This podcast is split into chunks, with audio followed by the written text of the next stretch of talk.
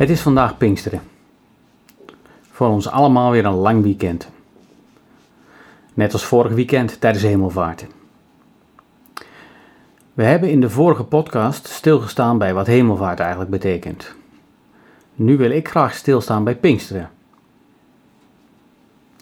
Wat vieren we eigenlijk met Pinksteren? Tijdens het maken van deze podcast zat ik in een huisje van Landal in Reeuwijk met ons gezin en ik vroeg ze wat Pinksteren betekende. Onze vierde zoon Jelle gaf aan dat hij wel weet wat Pinksteren betekent, namelijk dat de Heilige Geest bij de volgelingen van Jezus kwam, dat ze konden doorgaan zonder Jezus, maar gaf ook aan dat hij daar niet zoveel bij ervaart. Hij zei: Ik voel dat niet zo. Het is gewoon een lekker lang weekend. Toen ik het aan onze andere zoon Sjoerd vroeg, zucht hij eerst. Hij wist namelijk dat ik zijn reactie ging gebruiken voor deze podcast. Hij dacht vervolgens een tijdje na en zei toen: Ik weet ook wel wat het betekent dat de Heilige Geest komt in plaats van Jezus, maar verder betekent het voor mij eigenlijk niet zo superveel. Lian, mijn vrouw, zei dat Pinksteren voor haar betekent dat je verder kan leven op deze wereld met de kracht van God, de zekerheid dat God altijd bij je is. Ik zelf herken het meest in de reactie van mijn vrouw. Pinksteren gaat over de Heilige Geest, maar de Heilige Geest staat het minst op mijn netvlies van de drie, als ik ze zo even mag noemen. God is een drie-eenheid. God de Vader, de Zoon Jezus, de meest concrete, omdat hij mens werd en hier op aarde rondliep, en de Heilige Geest. Ik zie de Heilige Geest vaak als de onzichtbare kracht van God, zijn afstandsbediening, zeg maar. Maar hij is ook een persoon met wie je een relatie hebt als je gelooft. In het boek The Shack, een roman van Paul Jong, in het Nederlands heet het De Uitnodiging, wordt de drie-eenheid van God prachtig beschreven. Jezus wordt beschreven als een timmerman, God de Vader als een grote donkere vrouw. En dit heeft alles te maken met de relatie van de hoofdpersoon van het boek met zijn vader, die hem in zijn jeugd afschuwelijk behandelde. De Heilige Geest wordt in het boek beschreven als een Aziatische vrouw die wat vaag en ongrijpbaar is en zich vooral bezighoudt met de tuin van je hart.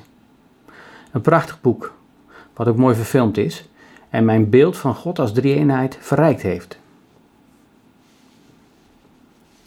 Met Pinksteren vieren we een feestje omdat de Heilige Geest beschikbaar is geworden voor iedereen.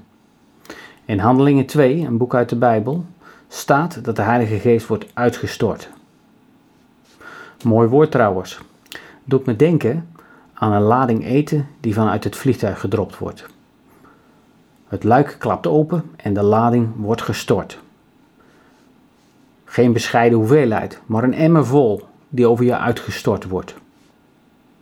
Overweldigend. De Heilige Geest komt met kracht. De Heilige Geest wordt vaak vergeleken met de wind. Niet zichtbaar, maar wat een kracht kan dat zijn. Enorme bomen waaien soms om door die onzichtbare wind. Zo krachtig is de Heilige Geest.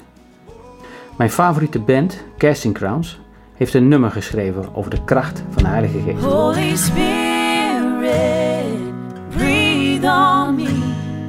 Breathe your life in me. Holy Spirit, breathe on me. Breathe your life in me. Het nummer gaat over de Heilige Geest die als een wind waait over dode en levende mensen. Het is gebaseerd op een tekst uit Ezekiel, die in een droom in een dal staat vol droge en dorre beenderen en botten. Het zijn de overblijfselen van een machtig leger, dat blijkbaar in de pan gehakt is door een nog sterker leger. Ezekiel ziet de kracht van de Heilige Geest, die zelfs deze dorre beenderen tot leven wekt en ervoor zorgt dat het leger weer tot leven komt.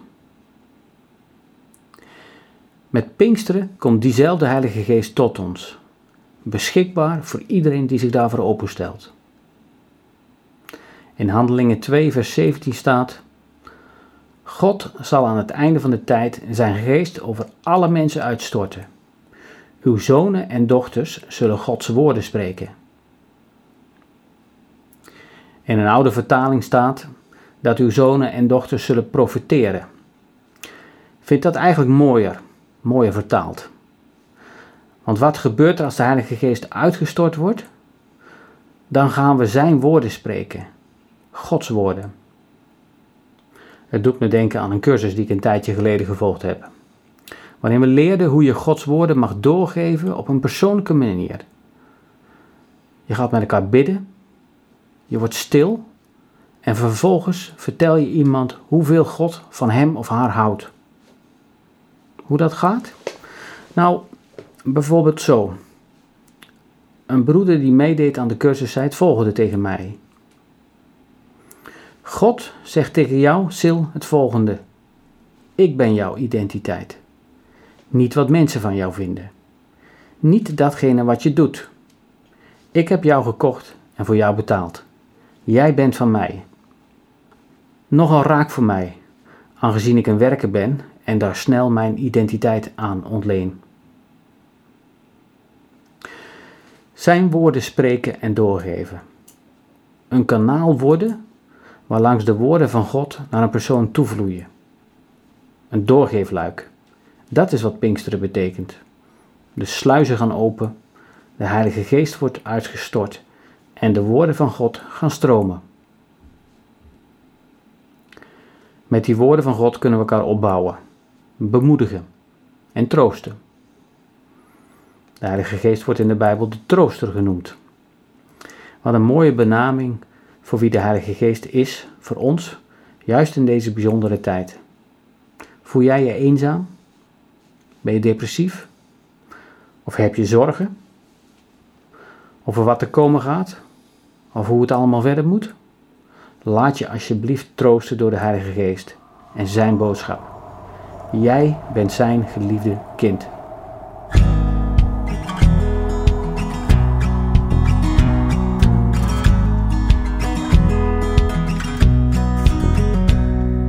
Ezekiel stared down into the valley, filled with dried bones baking in the sun.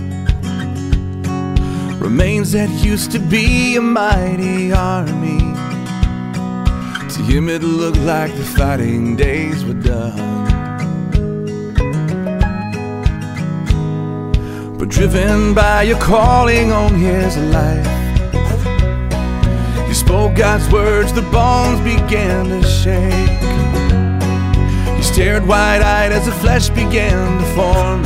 And as it prophesied to the wind, the soldiers began to wake. And the Lord sent his wind into the valley and breathed the breath of life into their souls and raised them again a mighty army soon these arisen warriors will battle again. For they have been filled with the Spirit wind. Whoa,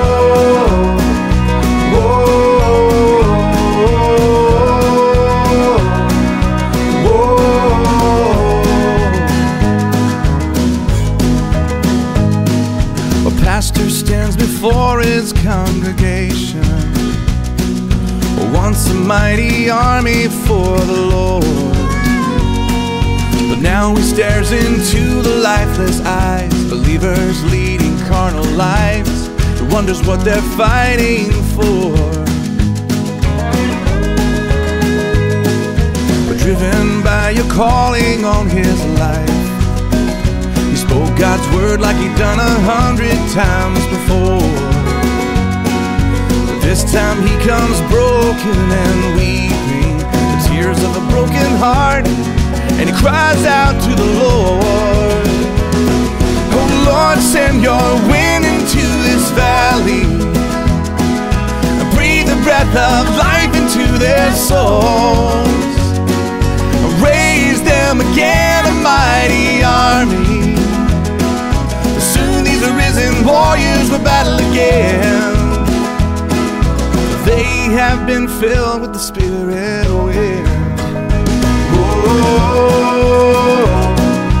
Oh, oh, oh, oh.